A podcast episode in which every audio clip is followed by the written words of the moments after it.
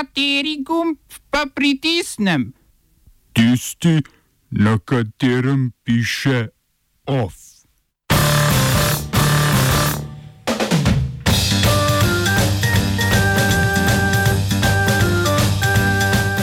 Protesti v Palestini proti priključitvi ozemelj Izraelu. Ustavno sodišče je razveljavilo tri člene zakona o lokalnih volitvah. V Mariboru oduzeli naziv častnega meščana nacističnemu župniku Otokarju Kernštoku.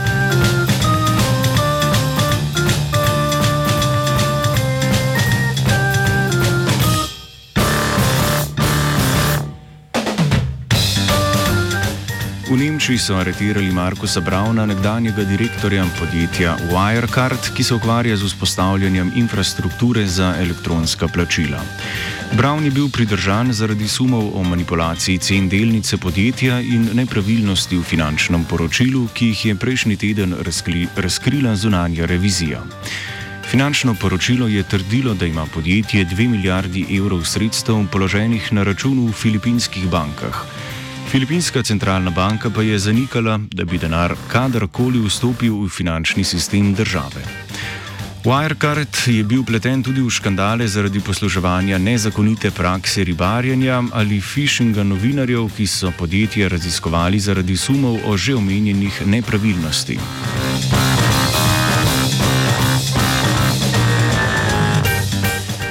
Nemško notranje ministrstvo je prepovedalo delovanje neonacistične skupine Nord-Adler ali Severni Orli.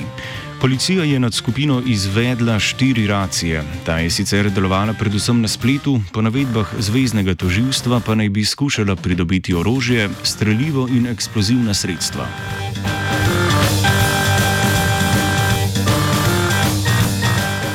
Policija v Tuniziji je proti protestnikom uporabila souzivec, kemično orožje, ki je Ženevsko konvencijo prepovedano za uporabo v vojskovanju. Demonstranti v mestu Tatawin zahtevajo implementacijo zakona iz leta 2017, ki naj bi ustvaril delovna mesta v naftni industriji in pri infrastrukturnih projektih, prav tako pa zahtevajo izpust Tareka Hadada, ki ga je policija aretirala med vikendom. Arabska pomlad je v Tuniziji odnesla do tedanjega predsednika Zina al-Abdina Ben Alija, na kar je država vzpostavila parlamentarni sistem. Še vedno pa se spopada z visoko inflacijo in brezposelnostjo.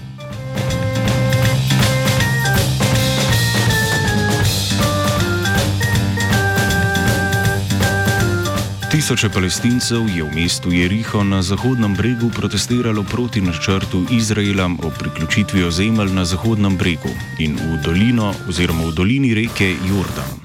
Demonstracij so se udeležili tudi nekateri tuji diplomati iz EU, Rusije, Kitajske in Japonske, med drugim pa tudi odposlanec Združenih narodov za Bližnji vzhod.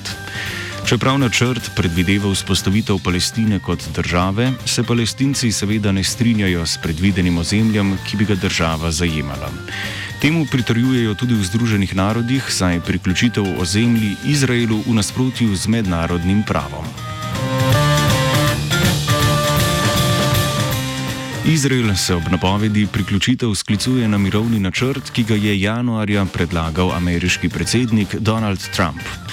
Ta sicer predvideva tudi vzpostavitev Palestine kot države, a seveda to Izraela ne zanima. Načrt pa so palestinci tako ali tako zavrnili.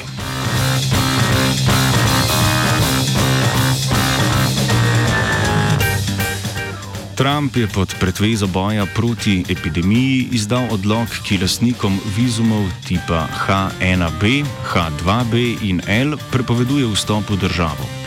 Vizum H1B izdajajo predvsem visoko usposobljenim delavcem, ki jih najemajo razna tehnološka podjetja, kot so Facebook, Amazon in Google. Pri tipu H2B gre za sezonske delavce z izjemo delavcev v kmetijstvu, vizum L pa je namenjen menedžerjem. Ukrep naj bi tako sprostil dobrih 500 tisoč delovnih mest za američane, a v podjetjih opozarjajo, da bi lahko upočasnil okrevanje gospodarstva po krizi zaradi bolezni COVID-19.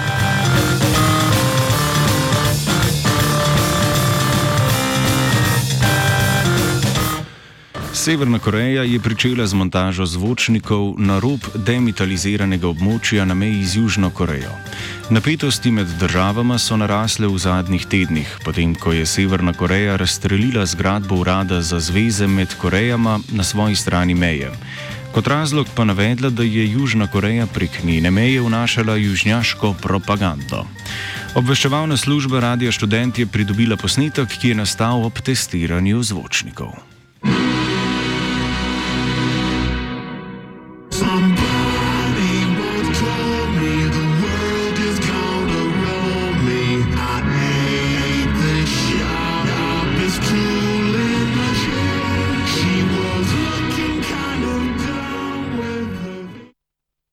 Oba, če, če bom odgovoril na angliški.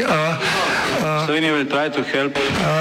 We can Slovenija will and we will do our utmost To say that the situation is, our problem ourselves. and uh, We will make further steps as soon as the conditions are bomo vlado Marjana Cererja, Mira, Marjana Cererja Šarca podprli. uh, very, very serious.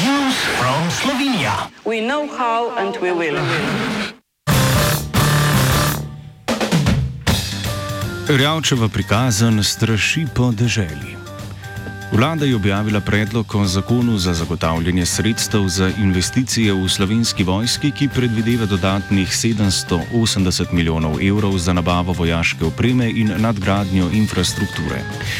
Na nakupovalnem spisku se je tako znašlo transportno letalo, o katerem obrambni minister Matej Tonin sanjari že nekaj mesecev.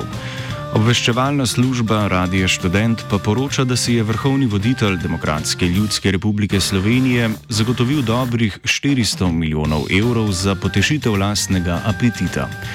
Če smo se pred nekaj časa zgražali nad nekaj deset milijoni evrov, ki so izginili pri dobavi mask in zaščitne opreme, bomo sedaj morebiti doživeli nadaljevanje afere Patria. Omenjeni znesek je namreč predviden za 4x4 in 8x8 vozila, ki so tako ljuba Janezu Janši. Vlada naj bi predlog tako potrdila v sredo in ga na to poslala v državni zbor na glasovanje.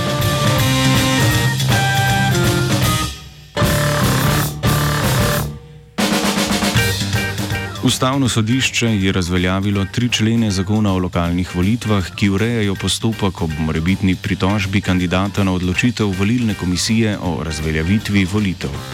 Ustavno sodišče je o tem razpravljalo zaradi ustavne pritožbe nekdanje županje Šmareških toplic Bernardke Krnc. Ta je z dvema glasova razlike izgubila proti Marjanu Hribarju na volitvah pred dvema letoma, ko sta kandidata zbrala enako število glasov. Po Hribarjevi pritožbi je volilna komisija v njegov prid najprej priznala volilni listek, na katerega se je volilka podpisala pod Hribarjevo ime, namesto da bi ga obkrožila. Hribar je na to zahteval ponovitev volitev v kraju Bela Cerkov, kjer naj bi se dogajale nepravilnosti. Volilna komisija mu je pritegnila, a je na to Hribar sam izpodbijal sklep na upravnem sodišču, ki je odločilo, da se volitve ne ponovijo.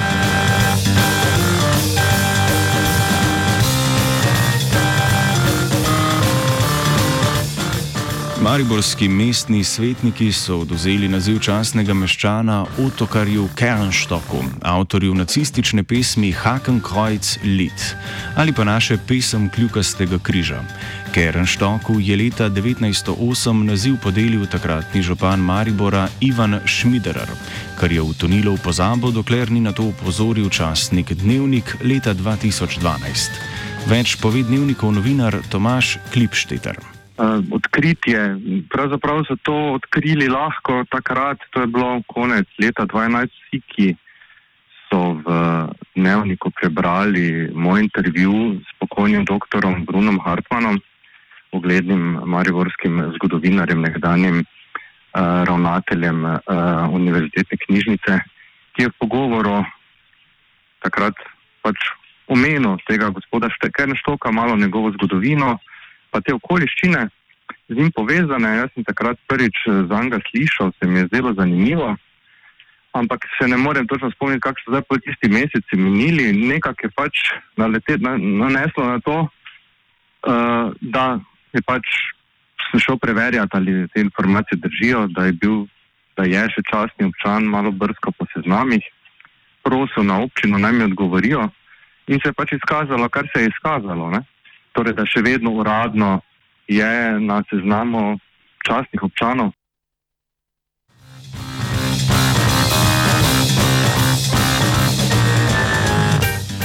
Odločitvi so nekateri svetniki sicer nasprotovali, čež da gre za revizijo zgodovine.